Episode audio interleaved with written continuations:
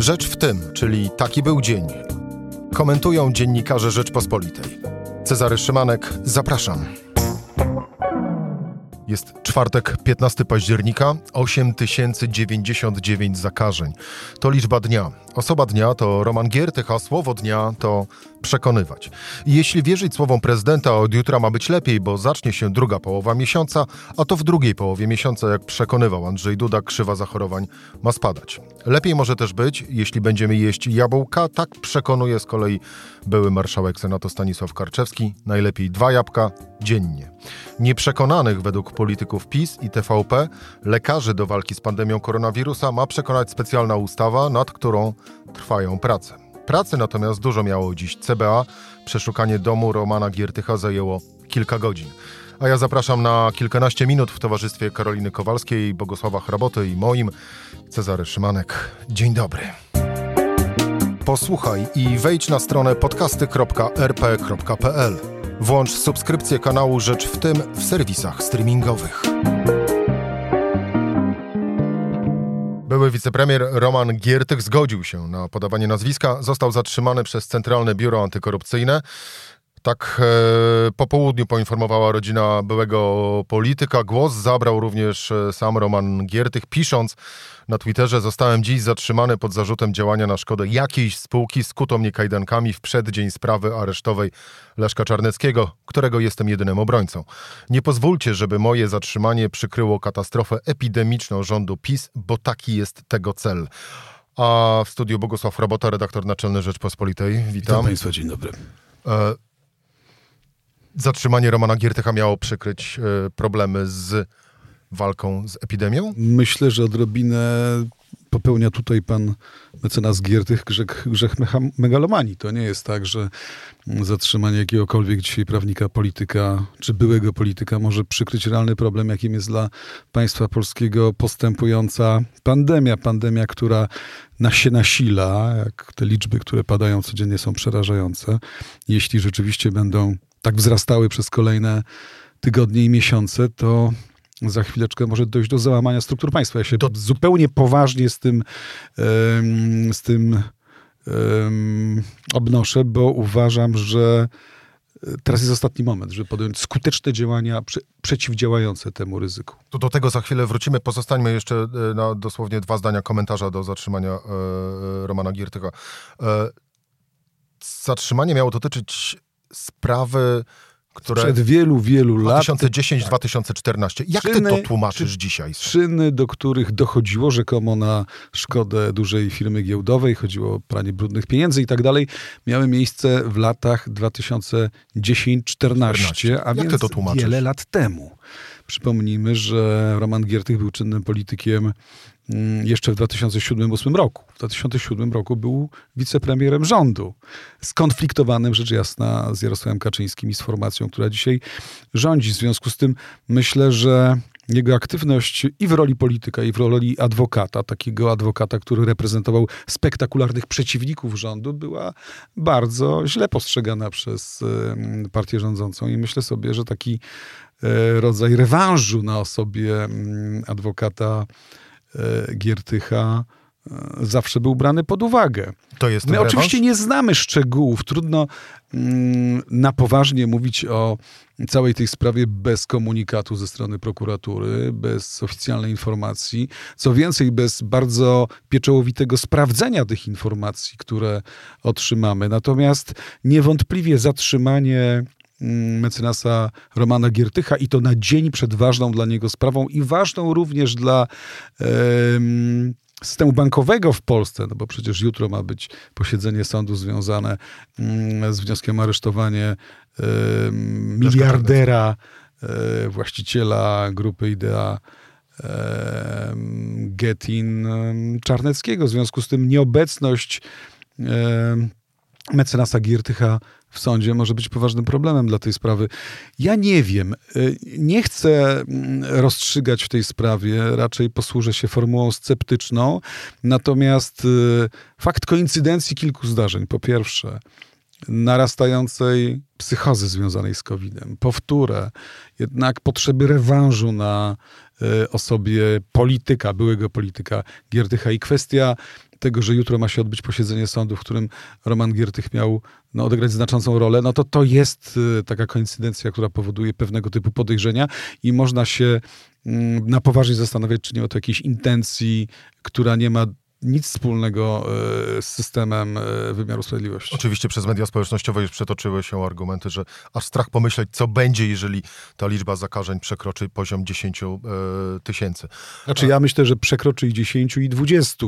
I dlatego mówię, że żadna sprawa żadnego adwokata, żadnego byłego polityka nie może zakryć czy przykryć medialnie realnego problemu, przed którym staje Polska. No właśnie. Problem, problem nazywa się, tak jak w całym świecie, COVID problem nazywa się COVID, ale y, tym problemem jest również sprawne funkcjonowanie państwa w obliczu, w obliczu pandemii. Jak ty je oceniasz? Czy ja nie oceniam tego funkcjonowania źle? Oczywiście e, idąc e, tropem publikacji prasowych, zarzutów opozycji, zarzutów fachowców, ekspertów i tak dalej, można postawić tysiące różnych znaków zapytania i wątpliwości. Można naigrywać się z osoby ministra Szumowskiego, który ja uważam, że w pierwszej fazie epidemii odegrał bardzo dobrą rolę. Mm, potem było trochę bałaganu e, w zakupach, przepraszam za ten eufemizm, ale nie chciałbym też popadać w przesady, ale podobne zdarzenia dzieją się na całym świecie. Jednak trzeba uczciwie powiedzieć, że COVID, że pandemia, z którą się mm, zmagamy, to jest zupełnie bezprecedensowa sytuacja. To nie jest tak, że państwa e, na świecie miały przygotowane procedury przeciwdziałania tego typu epidemii. E, uczyliśmy się na bieżąco. Oczywiście byli po stronie rządu, jak wszędzie, ludzie złej woli, którzy wykorzystywali pandemię do y, kampanii politycznej, do grania swojego interesu politycznego, do niszczenia przeciwników. Na pewno byli tacy, którzy y, uczestniczyli w mechanizmach nepotycznych czy korupcyjnych. Nie mam żadnych wątpliwości. Na pewno to się zdarzyło. Niemniej sytuacja, którą dzisiaj mamy w Polsce, kiedy nie jesteśmy jednak liderem zachorowań, kiedy nie jesteśmy też liderem pośród krajów, gdzie jest najwięcej przypadków śmiertelnych na 100 tysięcy, przypomnę, to jest 13 miejsce w Europie, to ja uważam, że to państwo w miarę dobrze zadziałało w pierwszej fazie epidemii. E, znacznie gorzej sytuacja wygląda dzisiaj, kiedy mamy kolejną, drugą bądź trzecią już fazę epidemii, mm, kiedy na chwilę ze względów czysto politycznych e, zachwyciśnięto się tą nadzieją na to, że epidemia wygasa i jesienią do niej nie wrócimy. No, okazuje się, że poważny problem dopiero mamy przed sobą i to jest bardzo poważny test dla całego systemu państwa, dla służb sanitarnych, dla służby zdrowia, dla służb administracyjnych, dla mediów również ponieważ media to komunikacja, a komunikacja to przepływ informacji. Właśnie, napisałeś dziś list e, do e, prezesa TVP Jacka Kurskiego, do, do którego za chwilę go za, zacytuję, ale... Nie był list, to nie był list, to był bardziej list do kogo innego. Odezwa. E, a do, za, za chwilę e, do tego przejdziemy, ale wracając do owego zdawania testu w trakcie tej fali pandemii, z którą mamy teraz do czynienia. Politycy rządzący zdają ten test? Na trójkę. Myślę, że tak. Poza tak jesteś pewną rzecz trzeba postawić, w swojej znaczy nie, trzeba postawić sprawę jasno, ponieważ szalenie łatwo krytykować, szalenie łatwo odmawiać im racji moralnych, rozsądku, powagi, kompetencji i tak dalej, tylko że oni rządzą. Nikt inny nie rządzi. To nie jest tak, że krytykujący rząd z perspektywy na przykład czy z pozycji Konfederacji potrafiliby to zrobić lepiej. Tego nie wiemy. Mamy naprzeciwko siebie instytucję e, rządu, który został wybrany w toku demokratycznych procedur, za który, który ma legitymację do działania, demokratyczną legitymację. Lubimy ten rząd, czy nie, on ma legitymację, on rządzi. Ale wiesz... I trzeba w jakimś stopniu jednak y, temu rządowi zaufać, bo brak zaufania do rządu, krytykowanie go w każdym punkcie oznacza totalny nihilizm. O tym nie mówimy o owym totalnym nihilizmie, ale z drugiej strony, kiedy słychać różnorakie słowa, czy to e, wicepremiera e, Sasina, że e, lekarze są mało zaangażowani w walkę z koronawirusem, a wystarczy popatrzeć na zdjęcia, które wrzucają, jak wygląda ich praca. W momencie, kiedy Były marszałek Senatu Stanisław Karczewski mówi o tym, że no właśnie, jedzcie jabłka, to wtedy będzie lepiej i, i mo być może nie zachorujecie no to no, żyjemy w świecie inflacji słowa. Każdy uważa, no. każdy uważa, że może mówić co chce. Co więcej, mamy naprzeciwko siebie instrumenty powielania tych słów w bilionach czy miliardach wersji. W związku z tym każde tak zwane chlapnięcie, nazywamy to żargonowo chlapnięciem albo powiedzeniem bzdury, jest posiada gigantyczne echo. To jest takie echo, które słychać Tylko po wiesz, drugiej stronie Atlantyku. właśnie, mówią ludzie, którzy Ludzie rządzą. powinni, odpowiedzialni za państwo, powinni narzucić sobie bardzo ostry rygor w sferze słowa. Stop bzdurom. Tak, nie wypowiadać się bez sensu. Zastanowić się nad tym, zresztą to jest to, co jest w naszej akcji na temat fake newsa. Zanim powiesz, pomyśl, bo to, co powiesz, może mieć gigantyczne skutki społeczne, polityczne czy każde inne. W związku z tym odłożyłbym na bok ten, to nieszczęście, którym jest inflacja, bzdury, także w świecie polityków, a czym innym jest jednak aktywność rządu, czym innym jest funkcjonowanie mm, sztabów y, y, kryzysowych, czym innym jest aktywność społeczności lekarskiej. Ja uważam, że Polacy i Polska i nasze struktury władzy również w znacznej mierze składają się z ludzi dobrej woli, którym zależy na uratowaniu tego społeczeństwa i tego państwa przed, po, przez, przed porażką. Jaką porażką? W jakiej skali? Nie wiemy bo nie wiemy, jak się rozwinie pandemia. Natomiast istnieją, istnieją realne ryzyka tego, że struktury tego państwa naprzeciw pandemii się rozlecą i trzeba robić wszystko, także wspierać rząd, e, żeby do tego nie doszło. Potrzebny jest wiarygodny kanał informacyjny. To cytat w pełni poświęcony tematyce pandemii. Antena referencyjna, której misją powinno być wspieranie rządu, ekspertów i ludzi dobrej e, woli w walce z koronawirusem. To Twoje słowa z dzisiejszej jedynki e, Rzeczpospolitej. Wytłumacz. Tak, ja namawiam rząd do tego, żeby stworzył precyzyjny, wiarygodny kanał informacyjny, przez który będzie szła zarówno zwykła komunikacja, którą my nazywamy newsową, czyli informacja do ludzi na temat sytuacji pandemii w Polsce i na świecie, jak i pewna pedagogika społeczna, czyli rodzaj e, prezentowania e, działań na rzecz profilaktyki przeciwko covidowej.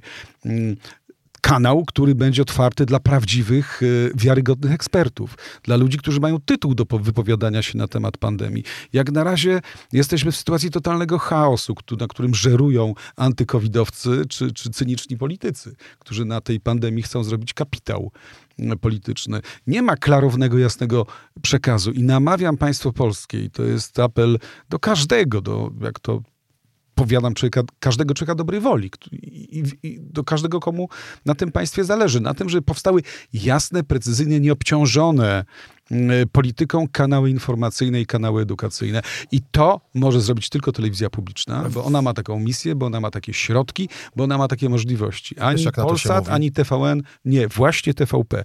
I ja Ale wyobraziłem wiesz, sobie... Mówi? Na to się mówi marzenia ściętej głowy. Znaczy, ja uważam, że w sytuacjach absolutnie nadzwyczajnych, yy, a jesteśmy w sytuacji nadzwyczajnych zagrożeń dla polskiej państwowości, powinniśmy stosować niestandardowe metody. Yy, tak się dzieje w sytuacjach wojennych, że w pewnym momencie militaryzuje się na przykład yy, przekaz informacyjny. Tak było na przykład po 1939 roku w Polsce, yy, kiedy, kiedy E, radiostacje były zobligowane, oczywiście było radio publiczne wtedy, do podawania informacji i komunikatów wojennych, ale uwaga, też były bardzo cenzurowane wtedy. Nie każda informacja szła na antenę. Mi nie chodzi o cenzurę, chodzi mi o to, żeby przebijała się do właściwych odbiorców, a pamiętajmy, że znaczna część Polaków bierze informacje głównie z telewizji, a nie z internetu, nie z radia, nie ze stacji komercyjnych, tylko właśnie z TVP, żeby przebijała się precyzyjna, jasna, prawdziwa informacja, żeby nie było plotki, żeby zapanować nad chaosem. I od tego są instytucje publiczne, jest ich kilka, jest Polska Agencja Prasowa, jest radio publiczne, jest telewizja państwowa, bo tak ją nazywam, TVP, i od teraz wyobraźni, wielkości i tak naprawdę poczucia patriotyzmu tych ludzi zależy, czy taki kanał transferu poważnej, rzetelnej, wiarygodnej informacji powstanie. Ale oczywiście e, w, te, w tym kanale informacyjnym nie może już być pałowania, że tak powiem, sztuki walki cepem z opozycją i tak dalej. To musi być rzetelna, wolna od e, skojarzeń politycznych informacja. No tak, bo tak naprawdę z drugiej strony jakby spojrzeć obecnie na, na to, e, co jest i o, w TVP Info i o czym jest tam mowa, no to ta epidemia aż taka straszna nie jest. Znaczy musi być okre my wiemy doskonale, myśmy robili media przez, przez... Jesteśmy, myślę, fachowcami, zarówno ty i ja, y, od telewizji. Ja robiłem telewizję od 1990 roku. Y, mam spore doświadczenie i ja wiem, jak skonstruować taki kanał przekazu z regularnym serwisem, z regularnymi konferencjami prasowymi, z typowaniem określonej grupy ekspertów, z informacjami regionalnymi, z pewnymi programami dydaktycznymi i tak dalej. Co więcej, uczestniczyłem w tym, kiedy zarządów Jerzego Buzka przygotowywano trzy wielkie reformy, Także telewizje, również komercyjne w tym uczestniczyły poprzez takie programy osłonowe, kiedy myśmy tłumaczyli jako dziennikarze, w jakim sensie wynajęci przez rząd ludziom, na czym polegają te reformy. Myśmy nie rozstrzygali, że one są lepsze czy gorsze. Mówiliśmy, jaka jest ich istota, jaki jest ich sens, jaki jest ich cel. I ja uważam, że posiadamy dziś jeszcze w Polsce i technologię, i kompetencje, i wiarygodnych ludzi, żeby taki przekaz który przyjmą wszyscy, a nie odrzucą ze względu na jego upartyjnienie, dotarł do Polaków. Ale dobrze wiesz o tym, że ktoś musiałby o tym zdecydować i też dobrze wie, wiemy o tym, kto musiałby o tym zdecydować. To musi być decyzja rządu. Jak wiadomo, ten rząd dzisiaj składa się już nie tylko z premiera Morawieckiego. Ale jest też nowy wicepremier. Mm, tak. Nowogrodzka przeniosła się w Aleje Ujazdowskie e, kończysz... i mam wrażenie, że tam taka decyzja może zapaść. Kończysz ten właśnie swój tekst, że potrafisz sobie to wyobrazić, ale czy potrafi prezes Jacek Kurski? Czekam na poważną odpowiedź. Zakładam, że takowej odpowiedzi nie dostałeś od Jacka Kurskiego. Na razie nie, ale liczę na to, że dostanę, co zresztą yy, nie byłoby specjalnie dziwne. To jest człowiek, który odpowiada za telewizję publiczną i nawet nie, jeśli nie ja go zadaniuję, to zadaniują go jego przełożeni. Myślę o prezesie Kaczyńskim, czyli wicepremierze, czy, czy premierze Morawieckim. Jeżeli oni uznają, że taka pre propozycja ma sens, to temu człowiekowi zostanie nic innego, tylko wykonać ją i to możliwie perfekcyjnie. Jest to bardzo zdolny, utalentowany e, polityk i człowiek mediów, w związku z tym na pewno sobie poradzi. Jest też prawdopodobieństwo, że ową odpowiedź dostaniesz w materiale wiadomości bądź innym materiale na antenie TVP Info. Bogusław Robota, redaktor naczelny Rzeczpospolita. Już za chwilę będziemy rozmawiać o, e, no właśnie, o przekonywaniu lekarzy do tego, by zmierzyli się wreszcie, jak twierdzą politycy PiS, z szalejącą pandemią. Naszym gościem będzie Karolina Kowalska. Rzecz w tym, że to jest podcast Rzeczpospolitej. Lekarze mają zostać przymuszeni do opieki nad chorymi z koronawirusem, ale rząd im za to dobrze zapłaci. Rozważane jest też zaangażowanie y, wojska. Taka y, informacja pojawiła się dziś na łamach Rzeczpospolitej y, około południa. W studiu Karolina Kowalska, dziennikarka Rzeczpospolitej. Witam Karolina. Dobry. No, no właśnie, pojawiła się taka informacja, informacja dotycząca projektu ustawy o ochronie zdrowia, który miał jeszcze dziś pojawić się w Sejmie po to, żeby jeszcze a właściwie już jutro, być procedowanym na posiedzeniu Sejmu. Jaki jest los tego projektu? Powiedział ten projekt e, wicemarszałek Terlecki w Radiu Wnet rano. Mówił o projekcie ustawy o służbie zdrowia, bo cały czas jednak rząd mówi o ochronie zdrowia per służba. Miał się ten projekt znaleźć. Marszałek Terlecki nie chciał zdradzać szczegółów. Mówił tylko o tym, że rząd musi sobie jakoś poradzić z, cytuję, niechęcią lekarzy do pracy w szpitalach covidowych, niechęcią do pracy przy zwalczaniu epidemii. Bardzo był taki powściągliwy, natomiast my się dowiedzieliśmy o co chodzi. Chodzi o to, że PiSowi niektórych, niektórych niektórym politykom PiSu wydaje się, że lekarze nie zgłaszają się do tej pracy z powodów politycznych. To znaczy są na tyle niechętni rządowi, partii rządzącej, że odmawiają pomocy chorym. No i oczywiście nie trzeba długo czekać na reakcję lekarzy, e, którzy natychmiast zauważyli, że po pierwsze oni już pracują przy chorych. Jeśli by mieli rzeczywiście zgłaszać się do szpitali, to zostawialiby na przykład 6 tysięcy chorych, których mają pod opiekę w podstawowej opiece zdrowotnej. Przypomnijmy, że podstawowa opieka zdrowotna w tej chwili zajmuje się diagnozowaniem wirusa, kierowaniem na testy, prowadzeniem pacjentów, informowaniem o izolacji, zwalnianiem z izolacji. Jaki jest w tej chwili los tego y, projektu? On będzie? Kiedy, jeżeli tak, to kiedy i jakie tam mogą się znaleźć zapisy? Projekt jest bardzo dynamiczny. Rano usłyszeliśmy, że y, politycy PiS pracują nad nim y, razem z prawnikami, ponieważ takie zapisy przymuszające lekarzy byłyby bardzo trudne do takiego sformułowania, żeby nie były sprzeczne z prawem. w tej chwili nadal mówi się o tym, że projekt jest pisany, natomiast coraz częściej słyszy się, że politycy się przestraszyli takiej, przestraszyli przestraszyli się przede wszystkim odbioru społecznego, widzą reakcję lekarzy. Zareagowała bardzo mocno Naczelna Rada Lekarska i e, Ogólnopolski Związek Zawodowy Lekarzy. Rozmawiałam z wiceprzewodniczącym doktorem Piotrem Watołą, który no, był oburzony. Mówi, że, że nie, nie spodziewał się, że można tak przeinaczyć powody, dla których rzeczywiście kilku lekarzy odmówiło nakazu wojewody. Mówi o tym, że lekarze nie zgłaszają się do pracy w szpitalach, dlatego że nie chcą zostawić pacjentów, z którymi są na co dzień.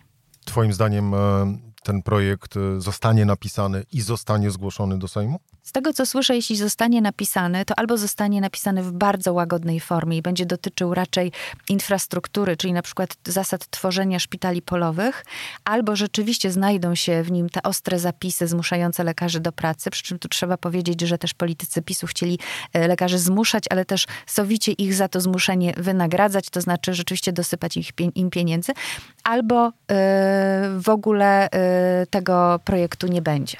Jak to obstawiasz? Ja bym powiedziała, że jednak rzeczywiście coś się pojawi, ale zapisy dotyczące nakazów y, się w nim nie pojawią.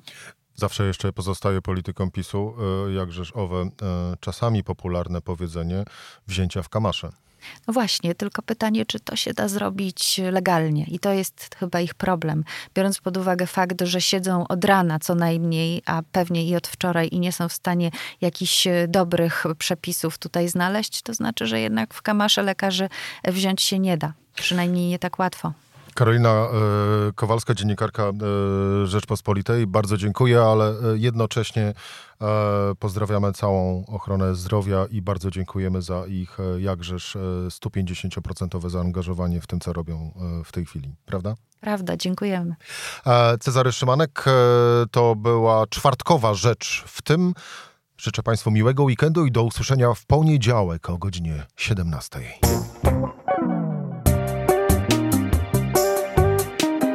Rzecz w tym to codzienny program Rzeczpospolitej. Od poniedziałku do czwartku o godzinie 17. Wejdź na stronę podcasty.rp.pl, włącz subskrypcję kanału Rzecz w tym w serwisach streamingowych. Cezary Szymanek, zapraszam.